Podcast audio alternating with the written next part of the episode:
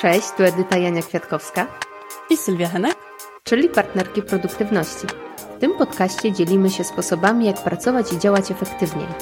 Jak uwalniać czas i wprowadzać zmiany, o których od zawsze marzyłyśmy. Jednym słowem rozmawiamy o tym, jak pracować mądrzej i mieć więcej czasu na życie. Dzień dobry. Dzień dobry, cześć. Rozmawiając z Sylwią o zmianach i przygotowując się do odcinków, trafiłyśmy na jeden wspólny wątek, a mianowicie na przekonania, które nas blokowały we wprowadzaniu zmian. Dokładnie tak, bo tak sobie pomyślałyśmy, że te dwa ostatnie odcinki były takie zagrzewające, żeby się zastanowić i e, tak trochę rozwinąć skrzydła, nabrać takiej odwagi w tym kierunku ku zmianie.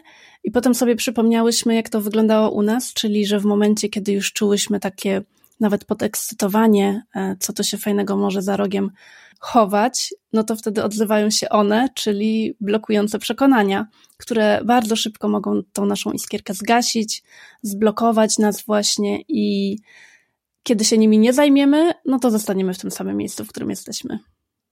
Przed nagrywaniem dzisiejszego odcinka myślałam sobie trochę na temat tych przekonań, skąd one się biorą i, i co nam dają. I naszła mnie taka myśl, że w momencie, gdy te przekonania, które mamy, y, są pozytywne, to one nam ułatwiają życie, ułatwiają nam y, podejmowanie decyzji. W szybki sposób dokonujemy oceny, czy dana rzecz jest dla nas.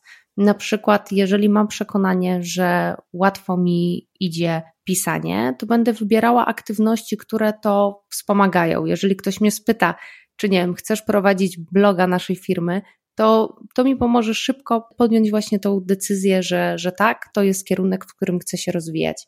Tylko, że w sytuacji, w której te przekonania są negatywne, są błędne, to one w zasadzie hamują nasz rozwój. Z tymi blokującymi przekonaniami jest tak, że one są silniej w nas zakorzenione niż te y, pozytywne.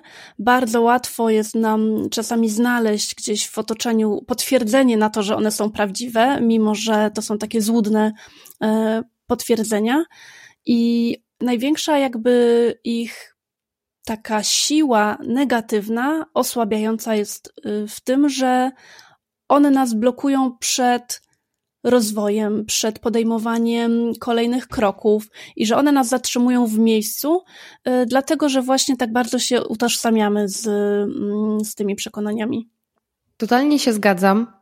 I mam też takie przykłady ze swojego otoczenia, mm, właśnie wychodzące od tych błędnych przekonań, które y, bliskie mi osoby hamują w dokonaniu zmiany. Jednym z takich przykładów jest bliska mi osoba, która myśli o zmianie pracy, ale boi się to zrobić ze względu na to, że obawia się, że jeżeli zacznie szukać pracy, to jej szefowie się o tym dowiedzą. I nie wiem skąd ma takie podstawy do tego przekonania i czy faktycznie tak będzie. Zakładam, że raczej nie, bo w wielu przypadkach e, jest tak, że te rekrutacje po prostu są poufne i, i nie ma możliwości, żeby to wyszło gdzieś e, na światło dzienne. Więc e, to są takie hamujące przekonania, które powodują, że cały czas jesteśmy w tej sytuacji, która może dla nas nie jest korzystna, i one nas trochę powstrzymują przed zrobieniem tego kroku dalej. No, bardzo to czuję, co powiedziałaś, i pomyślałam sobie właśnie, tak jak mówisz, przypuszczam, że to nie jest jeszcze takie przepracowane, przemyślane to przekonanie, dlatego że to jest właśnie blokada, którą bardzo warto jest zwyczajnie rozbroić. Ja mówię zwyczajnie, bo, bo jakby już to kilka razy robiłam na swoich blokadach i, i teraz też kiedy czuję, że mam jakąś blokadę, bo nadal je mam. Jak, z kilkoma sobie poradziłam, ale są jeszcze takie, które są jakby mocniejsze, głębsze. I, i pracuję z nimi cały czas. Natomiast tutaj ym, widzę coś takiego, że gdyby wziąć kartkę i długopis i napisać sobie, co by się stało, gdyby faktycznie się dowiedzieli, i sobie to rozpisać, taki po prostu czarny scenariusz, i stwierdzić, że no okej, okay, mogliby się zacząć dopytywać o co chodzi. Wtedy mogłabym im coś odpowiedzieć. I mogłabym sobie przygotować taką odpowiedź, która już by mnie uspokoiła w tym momencie, w którym jestem, kiedy ja nawet nie zaczęłam szukać tej nowej pracy. E, a co by było, gdyby zaczęli się dopytywać tak już mniej miło, albo gdyby mnie nawet zwolnili przez to, że zaczęłam szukać innej pracy. I to tu już trochę brzmi takim absurdem, bo co to by musieli być za szefowie? Być może tacy są, którzy zwolniliby kogoś tylko dlatego, że zaczął szukać innej pracy. I teraz tak przyszło mi do głowy, że być może mogłaby jakieś lepsze warunki w swojej pracy wynegocjować przez to, że, że ci szefowie by się dowiedzieli, że szuka z jakiegoś powodu innej. I kiedy zaczynasz sobie tak, jak teraz już nie będziemy dalej tego przykładu może kontynuować, ale kiedy zaczynasz sobie tak o tym myśleć i jakby y, dotykać rzeczywistości, co by się mogło stać, co jest realistyczne, co jest bardzo prawdopodobne, co jest mało prawdopodobne i trochę się na to przygotowujesz, to już jakby ta, to wyjście y, z wysłaniem CV do jakiegoś miejsca nie staje się aż takie straszne, takie blokujące, tylko już masz jakieś pewne punkty zaczepienia y, i takie pewne osadzenie, że okej, okay, może jednak warto to zrobić i nie będzie tak źle. Na Twoim przykładzie bardzo dobrze widać, że tych możliwości jest bardzo wiele i bardzo wiele scenariuszy może się zrealizować właśnie w sytuacji, y, gdyby ta obawa się ziściła. A przekonanie trochę powoduje, że my widzimy tylko jeden scenariusz, że my jesteśmy skupieni tylko y, na jednym wyjściu i nie widzimy te, tego morza możliwości, jakie tam się kryje za, mm, za tą decyzją. To jeszcze dodam jeden przykład, bo myślę, że też jest dość um, interesujący.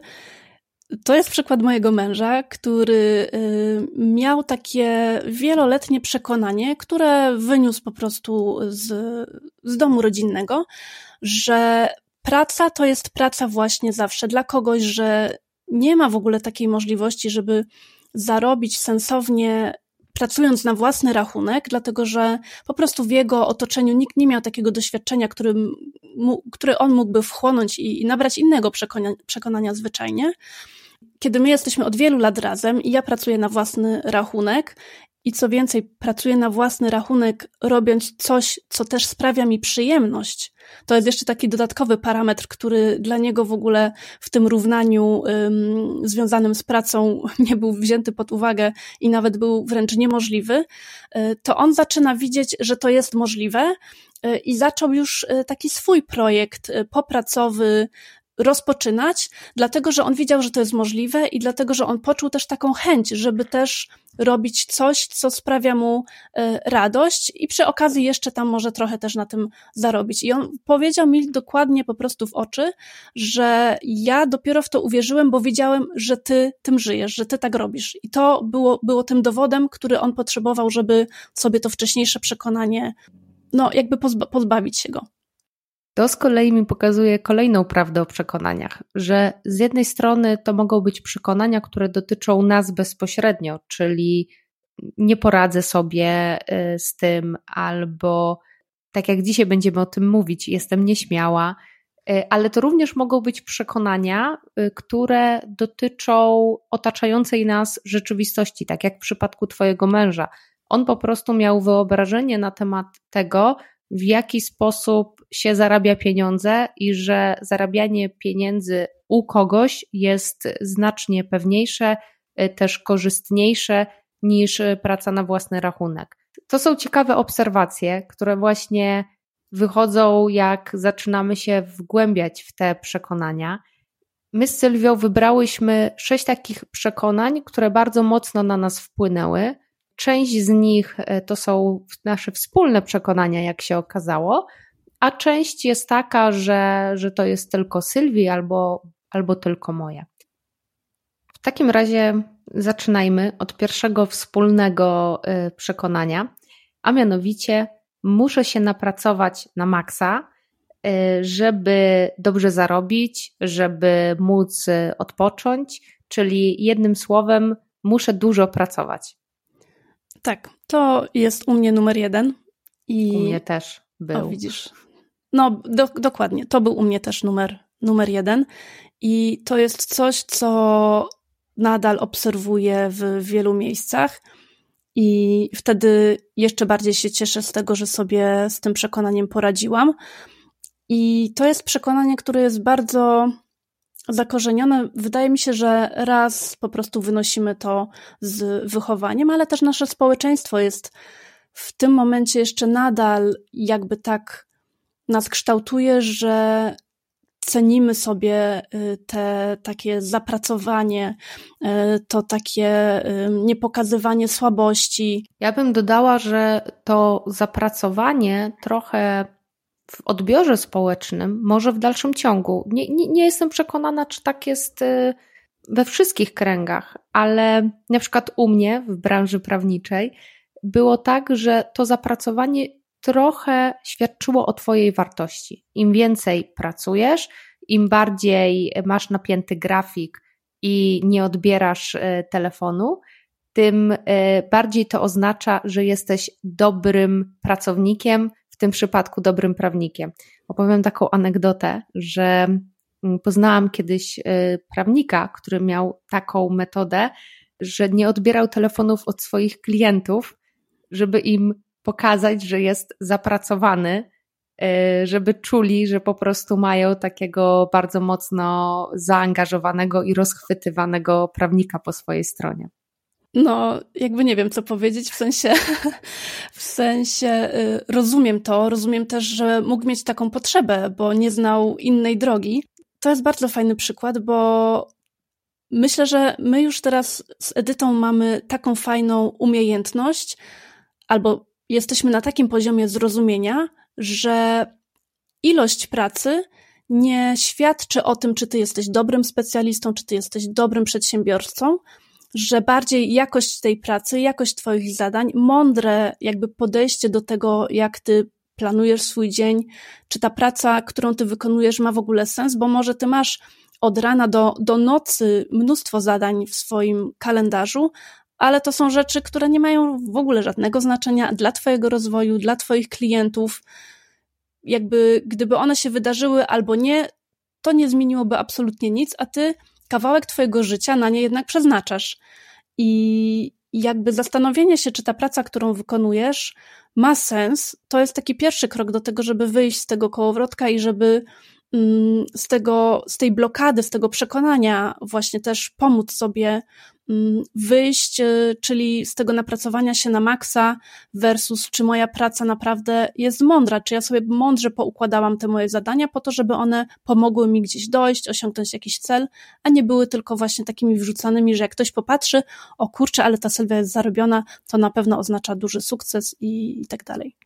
Dodałabym jeszcze, że nie doceniamy siły odpoczynku i przeceniamy też naszą y, rolę i przeceniamy też naszą obecność w wielu zadaniach, bo czasami nie musimy być na jakimś spotkaniu, czasami nie musimy czegoś robić osobiście, a bierzemy to na siebie, bo wydaje nam się, że właśnie jak będziemy mieć więcej tych zadań, to będzie świadczyć y, może o naszej wartości, y, może właśnie y, o tym odbiorze przez otoczenie. Dlatego warto zweryfikować, czy to, w jaki sposób pracujemy, faktycznie nam przynosi wartość i jest dla nas korzystne. Dokładnie, czy to nie jest po prostu taka praca dla pracy, którą robimy przyzwyczajeni z automatu, bo tak się zawsze robiło. Warto zadać sobie właśnie to pytanie, czy aby na pewno. No, mnie to przekonanie o tym pracowaniu na maksa było bardzo mocne. Ja pracowałam po 12, 13, czasami i 16 godzin dziennie, szczególnie kiedy jednocześnie byłam na etacie i prowadziłam tą własną działalność. I byłam wtedy bardzo przemęczona, źle się czułam, miałam problemy y, zdrowotne, no to takie bardziej dolegliwości niż problemy. Natomiast one były uciążliwe i zupełnie nie miałam właśnie w tamtym czasie takiej, takiego poczucia, że siebie szanuję. Nawet o tym nie myślałam, czy ja siebie szanuję, czy nie, bo nie miałam na to czasu. Byłam taka y, zarobiona i, i mogę powiedzieć, że byłam w tamtym momencie pracocholikiem i cieszę się, że z tego już wyszłam dlatego że czuję się o wiele lepiej, mam więcej czasu teraz na mm, jakieś swoje hobby, na to, żeby być bliskimi, żeby też być taka obecna z tymi bliskimi, czyli tak jak rozmawiałyśmy wcześniej, żeby nie być w głową w pracy cały czas. Y, I bardzo w tym mi pomogło też to, że ja obserwowałam, y, że to jest po prostu możliwe u innych osób, że one pracują nadal ciężko, robią dobrą robotę, klienci są bardzo zadowoleni, ale jednocześnie jest tam przestrzeń na ten odpoczynek, jest przestrzeń na te osoby, które, które działają, które wykonują tą pracę i że można mieć i to, i to. Tylko właśnie trzeba do tego podejść z refleksją i w taki mądry sposób, a nie iść z tym takim nurtem po prostu i się w ogóle nie, nie zatrzymywać. Tak, i z tym przekonaniem powiem szczerze, że kojarzy mi się kolejne przekonanie, które mamy, a mianowicie muszę odebrać każdy telefon, muszę być zawsze dostępna. No to widzisz zupełnie przeciwne przekonanie niż e, ten twój pan z przykładu, pan prawnik, e, ale u mnie też dokładnie to przekonanie było bardzo mocne. Ono jest takie bardzo wyraziste, bo jednak ten telefon widzisz, że dzwoni, słyszysz, że dzwoni i to jest automatycznie takie, taki przymus, szczególnie ja to pamiętam jak zaczęłam prowadzić swoją firmę, otworzyłam stronę www i ja byłam w stanie, jakby się w ogóle nad tym nie zastanawiałam. Odbierałam telefony o godzinie 22.30, odbierałam telefony w weekendy, odbierałam telefony, gdy byłam na urodzinach, y, urodziny, gdy byłam na weselu, nawet, y, chyba nawet mojego brata odebrałam telefon, dlatego że czułam po prostu, że klient ma prawo i wręcz ja mam obowiązek jako przedsiębiorca być dla tego klienta, bo miałam takie też przekonanie, że jeśli tego nie zrobię, to ja tego klienta stracę i w efekcie jakby mogę zamknąć firmę, no bo nie będę miała tych klientów. I to się jakby tak jedno, jedno do drugiego powiązało, że to było bardzo mocne przekonanie, które można w skrócie opisać: nie odbiorę telefonu klienta, mogę zamykać firmę. Miałam dokładnie to samo, e, jak e, zaczęłam prowadzić działalność, że Wydawało mi się, że muszę być, e, tak jak mówisz, cały czas e, pod tym telefonem dostępna. I dlatego, jak jeździłam na urlopy, to zawsze jeździłam e, z telefonem służbowym. W zasadzie było tak, że na samym początku miałam mój numer prywatny jako numer firmowy, potem założyłam sobie osobny telefon firmowy, który i tak brałam ze sobą na urlop, więc nie wiem, jaki to miało sens. W każdym razie pamiętam to uczucie, kiedy za każdym razem, jak byłam na urlopie i dzwonił telefon, to od razu wracałam głową do pracy i od razu czułam spięcie w mięśniach. Czułam, że jestem tak wybijana z tego rytmu odpoczynku. To było coś, co bardzo mocno mi ciążyło i co też wiązało się z tym przekonaniem, że jeżeli nie odbiorę akurat tego telefonu, to pewnie, nie wiem, stracę klienta, albo może to jest nowy klient z jakimś fajnym zleceniem. Dużo mi dało obalenie tego przekonania. Ma się takie wrażenie, że po prostu świat się zawali absolutnie, jak się tego jednego telefonu nie odbierze.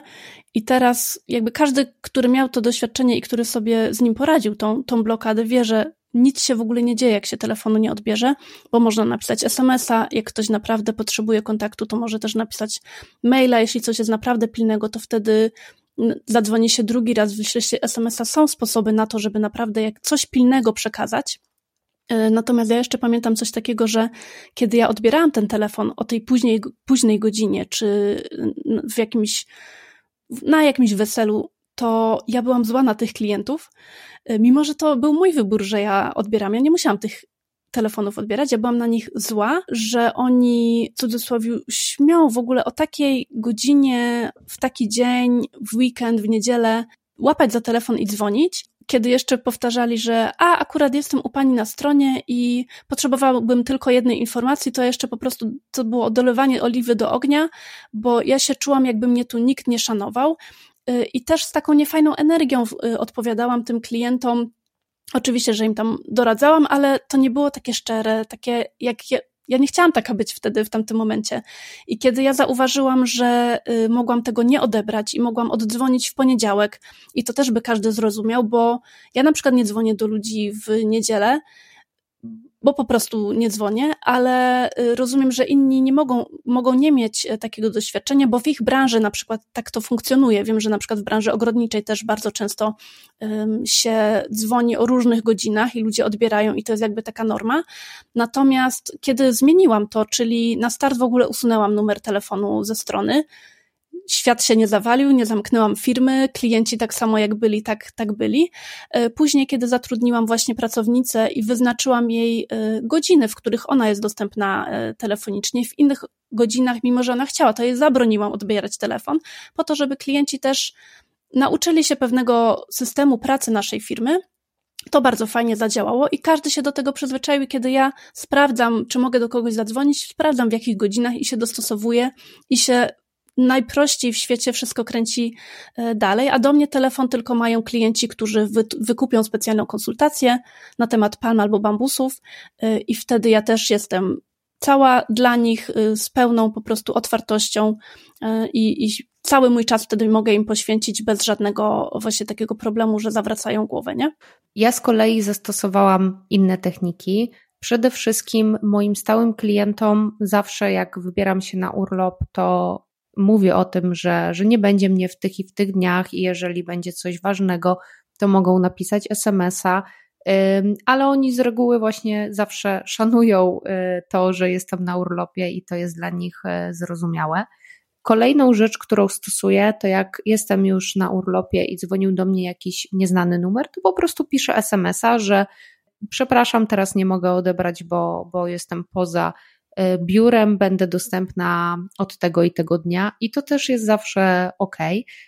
A kolejna rzecz, którą też stosuję, to jak ktoś dzwoni do mnie już po godzinach pracy, nie wiem, jest godzina 19, 20, to z reguły nie odbieram, ale jeżeli ktoś dzwoni drugi raz, no to wtedy wiem, że pewnie to jest jakaś ważniejsza sprawa i wtedy już y, odbieram ten telefon, ale zauważyłam, że bardzo często ludzie właśnie mają ten taki odruch sięgania po słuchawkę.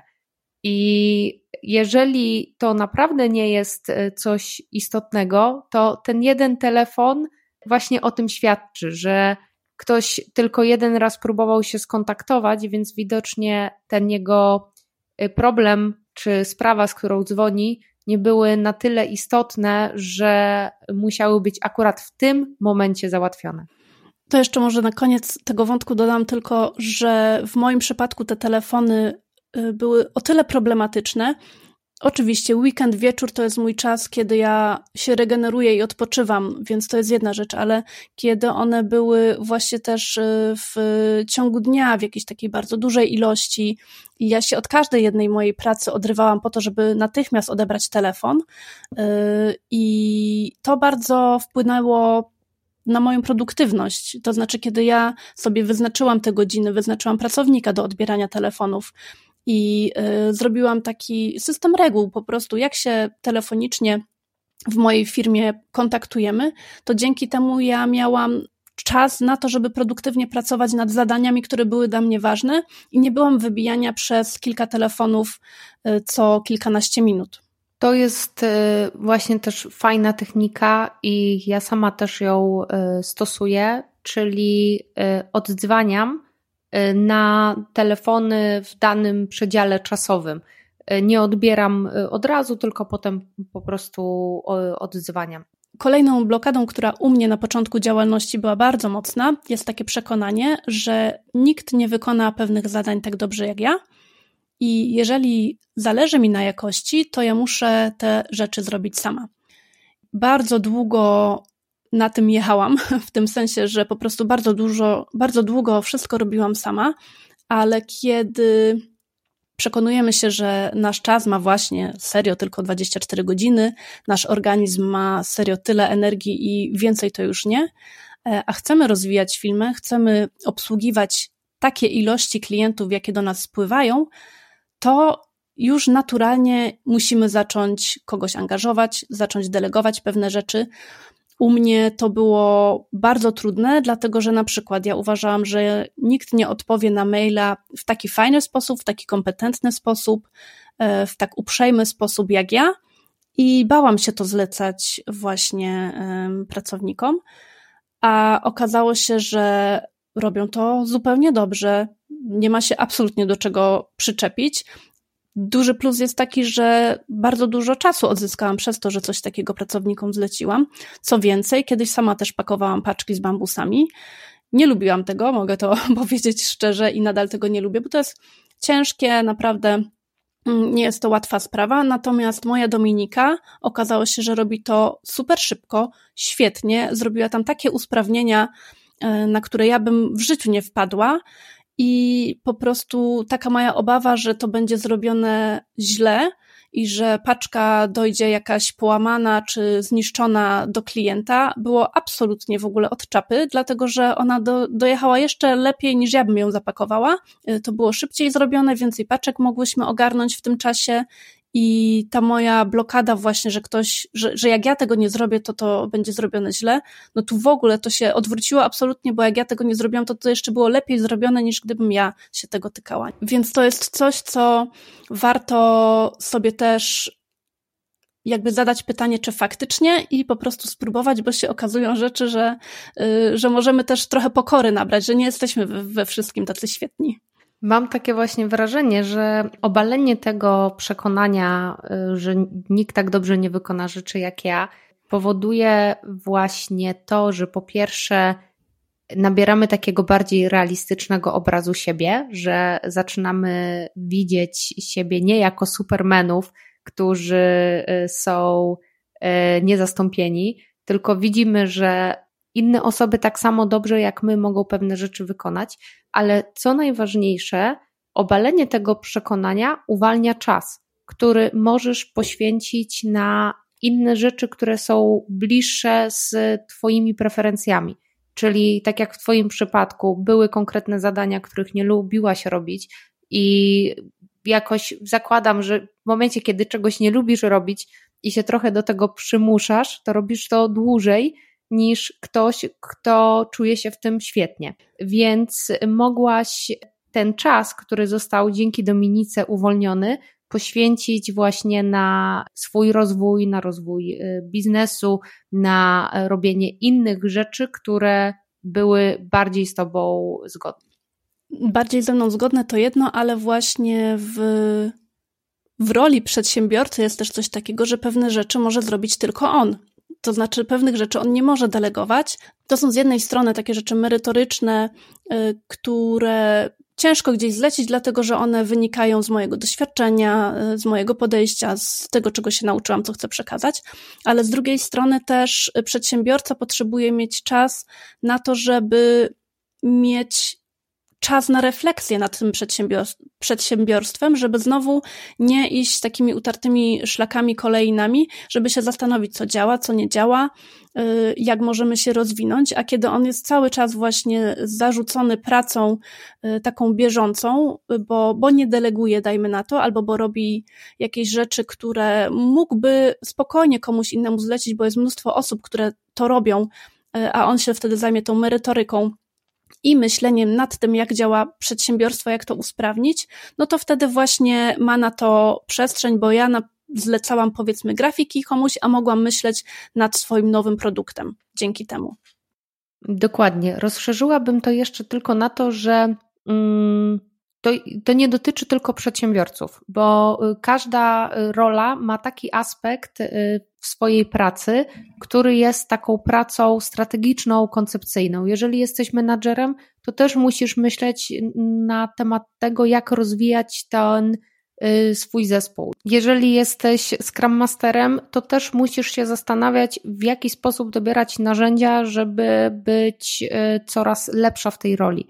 Więc każda praca ma taki aspekt, powiedziałabym, koncepcyjny, strategiczny, który w momencie, gdy jesteśmy cały czas w tej bieżącej pracy, może trochę ucierpieć, bo nie mamy na to czasu, y, nie mamy też na to energii. Tym bardziej, jeśli nie widzimy progresu tej pracy, bo robimy te zadania, robimy te zadania, ale nie mamy tej chwili na refleksję, czy potrzebujemy może odrobinę zmienić kierunek, potrzebujemy dopasować pewne rzeczy, z pewnych rzeczy całkowicie zrezygnować po to, żeby jakiś cel osiągnąć. Więc ten czas na, na refleksję, na taką pracę właśnie strategiczną, on jest bardzo ważny, bo dzięki temu możemy odpowiednio dobierać zadania, możemy szybciej osiągać te cele, a te cele osiągnięte będą nas motywowały znowu na dalszy czas. I to się wtedy tak fajnie zapętla, a kiedy jesteśmy cały czas w tym jednolitym kołowrotku skreślania kolejnych zadań bez namysłu, no to właśnie możemy też, tak jak mówisz, się wypalić, nie? Dokładnie tak. To teraz przejdźmy do kolejnego przekonania, które muszę przyznać, że jest dla mnie ciekawe, ponieważ ja chyba dalej mam takie przekonanie i jestem ciekawa Twojej perspektywy i tego, czy będzie na tyle przekonująca dla mnie, że zmienię swoje podejście. A więc tym przekonaniem jest to, że praca w weekend jest czymś złym. Okej, okay, to najpierw powiedz, dlaczego tak myślisz? Wydaje mi się, że to wynika z tego, że ja traktuję weekend jako taki czas dla mnie i taki czas odpoczynku. I w momencie, w którym wykonuję jakieś rzeczy y, w weekend, to mam wrażenie, że trochę zaburzam sobie ten czas odpoczynku, a w dalszym ciągu jeszcze nie potrafię, mimo że od ponad pięciu lat jestem na własnej działalności, to nie potrafię sobie zrobić jednego dnia w tygodniu wolnego zamiast na przykład y, soboty. Y, więc y, dla mnie ta praca w weekendy wiąże się z takim trochę naruszaniem odpoczynku. Wydaje mi się, że na jakimś etapie albo w jakiejś sytuacji może to być też wspierające przekonanie, ale nadal jest to jakieś przekonanie. U mnie to było też aktywne przekonanie, ale przez pewną fazę. Kiedy zaczynałam właśnie swoją działalność, później poszłam na etat, to ja pracowałam prawie że non-stop, w sensie czy był weekend, czy nie było weekendu.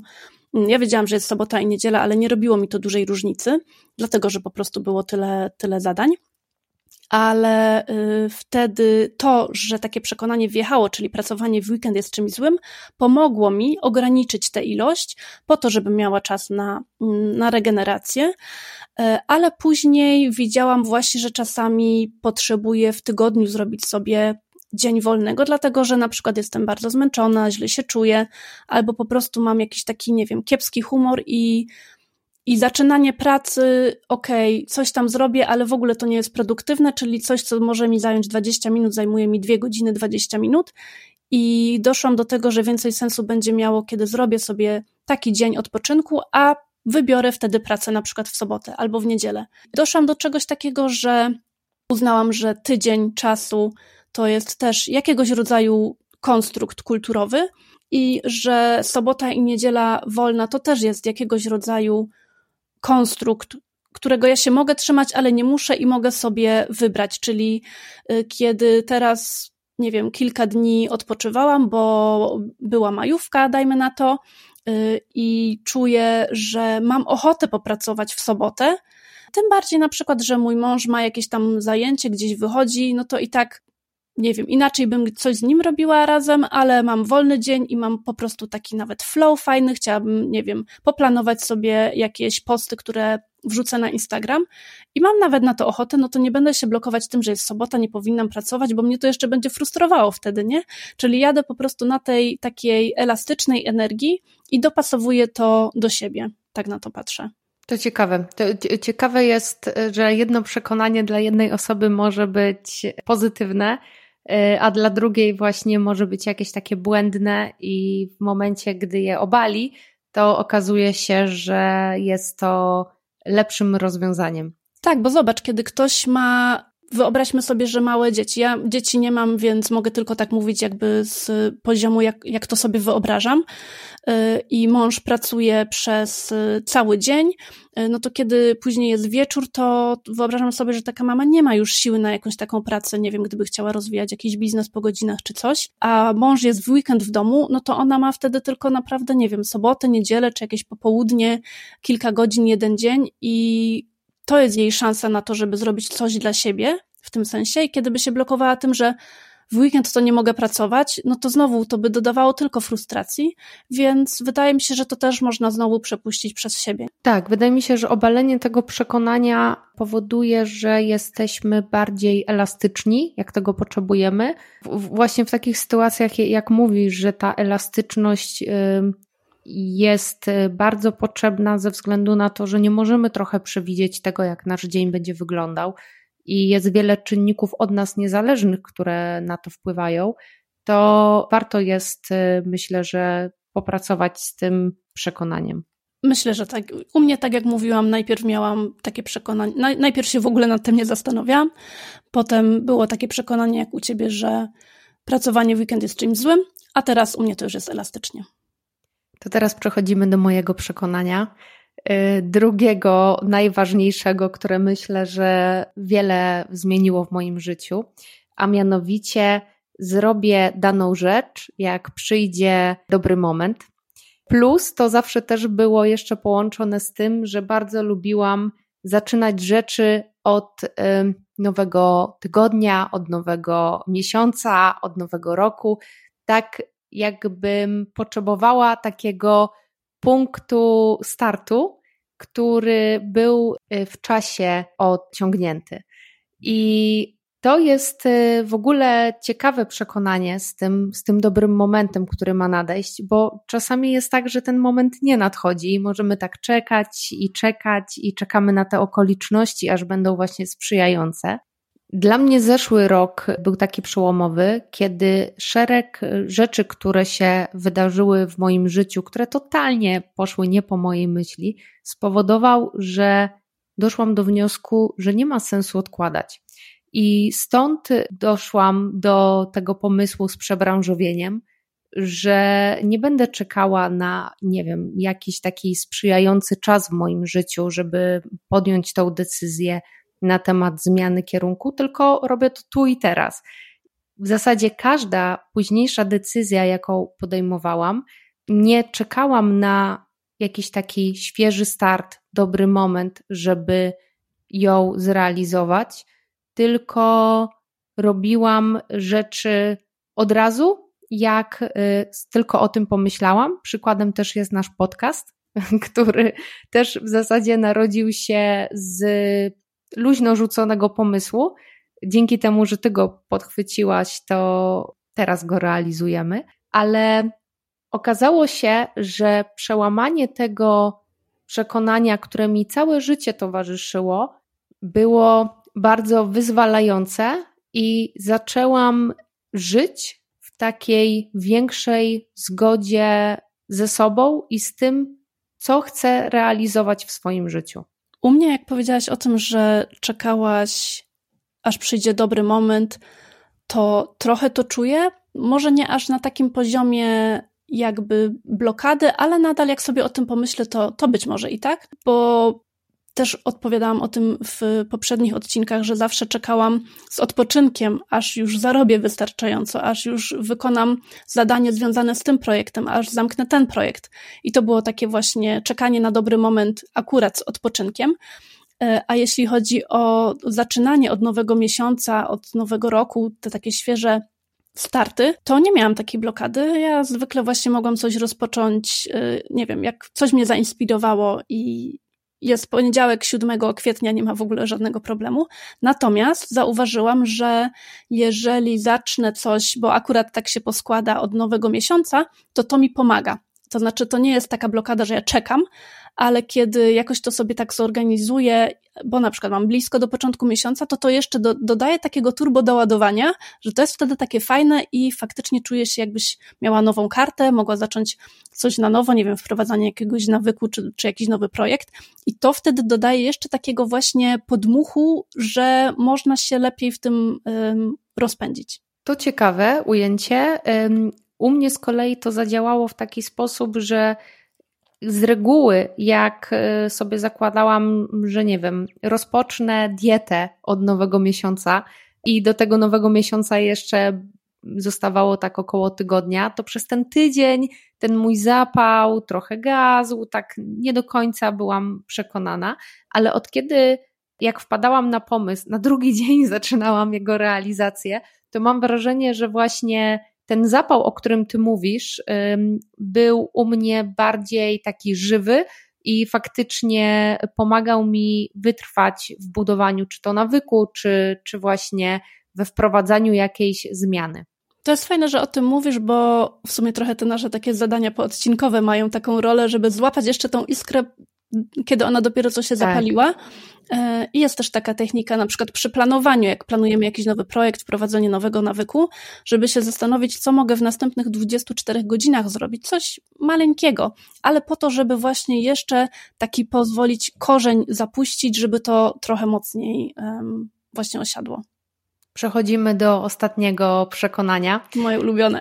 Jest to przekonanie Sylwii, a mianowicie, że jestem nieśmiała. No, ja tak trochę śmieszkuję, ale to było coś, co mnie bardzo mocno blokowało. Naprawdę, ja byłam bardzo nieszczęśliwa, kiedy o sobie tak myślałam, aż się okazało, że ja nie jestem nieśmiała. I musiałam sama do tego, do tego dojść. Ja myślałam, że jestem nieśmiała, dlatego że byłam porównywana zawsze z moją siostrą, która po prostu ma więcej energii, jest taka bardziej towarzystka um, od pierwszej sekundy, jak się ją pozna. E, I to jest super. Natomiast ja potrzebuję trochę więcej czasu, żeby się rozkręcić. E, ale właśnie przez to, że cały czas nas porównywano, to jakby wepchnęłam się już też trochę sama, no ale nie miałam specjalnie też na to wyboru, kiedy byłam e, mała, żeby w to nie uwierzyć i sobie zweryfikować, czy ja faktycznie jestem nieśmiała, czy nie, do tej właśnie szufladki z tą etykietą. E, I to przekonanie o sobie, że jestem nieśmiała, to zrobiło mi naprawdę mm, bardzo pod górkę, dlatego że kiedy się zaczyna własny biznes i kiedy się myśli o sobie, że się jest nieśmiałą, to na przykład trudno odpowiedzieć klientowi, który ma jakieś roszczenie, do którego nie ma prawa, które jest w ogóle bezzasadne. I się wtedy zgadzamy na jakieś rzeczy, mimo że właśnie normalnie moglibyśmy sobie z tym zupełnie posadzić, te jego obiekcje rozbroić e, i jakby stanąć za sobą, ale kiedy się myśli o sobie, że się jest nieśmiałym e, i że tak trochę jakby się nie ma szans z kimś, kto się bardziej śmiałym wydaje, e, w moim przypadku też to, że czasami to byli mężczyźni starsi ode mnie, to też jakby była dodatkowa blokada jeszcze nałożona na tą nieśmiałość. Y, no to właśnie wtedy też, y, czy w rozmowach z urzędami y, wychodziłam z takiej pozycji, że jestem kimś nie na równych szansach z tymi osobami, z którymi rozmawiam, pomimo, że byłam tak realistycznie. Bałam się też na przykład zagadywać do nowych ludzi, mimo że miałam ogromną ochotę kogoś tam poznać, czy no dużo takich myślę, że szans mi przyleciało przed nosem na jakieś fajne kontakty. I zaczęłam po prostu jakby się zastanawiać, czy faktycznie tak jest, bo okazało się, że kiedy są tematy, które mnie jarają, to jakby naturalnie w ogóle nie ma mowy o nieśmiałości. Y, I to była dla mnie taka ścieżka, która mi pokazała, że ja ogólnie wcale nie jestem nieśmiała, teraz to widzę i że nawet lubię, nie wiem, tak jak teraz, mówić do mikrofonu, lubię występować y, przed publicznością, byłam w y, telewizji, piszę artykuły dla większych gazet, y, co też jest jakby takim przeciwieństwem nieśmiałości, no bo jednak pokazuję swoją twarz, wystawiam się na, na dobre i na złe opinie. I kiedy ktoś jest tak szczerze nieśmiałym, to myślę, że miałby z tym dużą trudność, a mnie po prostu to sprawia nawet przyjemność. I wcześniej bym o tym nie pomyślała. I po prostu dzięki temu, że ja zaczynałam robić rzeczy, których się bałam, na przykład ten występ w telewizji, ja się tego bałam panicznie, ale poszłam na szkolenie e, do Bailey z emisji głosu, które bardzo polecam. E, to dało mi fajne narzędzia, właśnie raz, żeby sobie poradzić ze stresem, dwa, żeby poradzić sobie z lepszą dykcją, bo mam też taką e, pewną wadę wymowy co pewnie słyszycie. I to mnie też blokowało, ale po prostu już teraz jestem na takim etapie, że pracuję sobie z tym i mówię tak jak mówię, każdy może mnie zrozumieć i spoko. Y, I przez to, że robiłam rzeczy, których się właśnie bałam, które były dla mnie takie niewygodne i które, gdybym się trzymała uporczywie tej myśli, że jestem nieśmiała, to bym w ogóle tego nie zrobiła, a przez to, że zrobiłam ten krok, one mi pokazały, że jest inaczej i mogłam się jeszcze dalej rozwijać. Poznałam super w ogóle ludzi, poznałam jakichś e, i celebrytów, i osoby jakieś medialne, do których normalnie bym nie zagadała, bo jestem przecież nieśmiała. Więc naprawdę bardzo dużo mi to dało takiej e, wewnętrznej siły, mm, na której do teraz jakby jadę. Cały czas korzystam z tego, że już sobie z tą blokadą poradziłam. To jest ciekawe, bo mamy jakieś takie etykiety na swój temat, które właśnie definiują naszą osobowość. I w momencie, tak jak ty opowiadasz, y, jakie próbujemy mm, zredefiniować i zastanowić się, czy aby na pewno one są naszymi określeniami, to się okazuje, że może naprawdę wiele ciekawych rzeczy się wydarzyć, Tak jak y, w Twoim przypadku występ w telewizji, taka większa widoczność, coś, co zupełnie jest w kontrze z wyobrażeniem nieśmiałości. To według mnie jest taki zachęcający przykład do zastanowienia się, czy przekonania dotyczące nas samych na pewno są prawdziwe i co w zasadzie nam ograniczają te przekonania. Czasami też jest pomocne to, żeby sobie prześledzić, jakby skąd mi się to wzięło, tak jak u mnie z tą nieśmiałością, bo dzięki temu, że jakby zobaczymy, że jest jakaś zewnętrzna przyczyna, no to możemy sobie znowu dodać fakt do tej kolejki, to nie jest prawda, bo po prostu to jest zdanie, które wyszło w porównaniu z inną osobą na mój temat. E, I to wtedy robimy taką weryfikację na zasadzie to jest fakt, czy to po prostu jest czyjeś przekonanie, które ja przyjęłam za swoje, no bo byłam wtedy po prostu na takim etapie rozwoju, nie? I tym akcentem kończymy dzisiejszy odcinek. Jeszcze przed zakończeniem chcemy Was e, zachęcić do zadania. E, dzisiaj zachęcamy Was do zastanowienia się nad tym, czy widzicie w swoim życiu jakieś blokujące Was przekonania, jakieś przekonania, które zniechęcają Was przed podjęciem działania, o którym marzycie, które chcielibyście wdrożyć do swojego życia.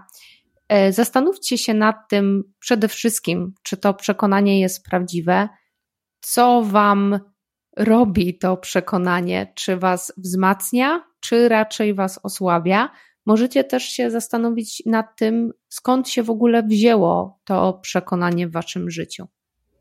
Zachęcamy, jeśli macie ochotę pogadać o przekonaniach, to jesteśmy na Instagramie na profilu partnerki produktywności. I jeśli macie ochotę, możecie się też z nami podzielić Waszą opinią o tym podcaście, bo jest to dla nas bardzo ważne, żeby mówić o takich rzeczach, które są dla Was ważne, e, podejmować takie tematy, które mogą i nas, i Was też w jakiś sposób rozwinąć. Dlatego, jeśli tylko macie ochotę e, dać nam ocenę, chętnie z komentarzem, e, czy napisać do nas z jakimiś sugestiami, może propozycjami, to też jesteśmy na to bardzo otwarte. To wszystko na dziś. Dziękujemy Wam za wysłuchanie tego odcinka i do zobaczenia. Do zobaczenia, papa. Pa.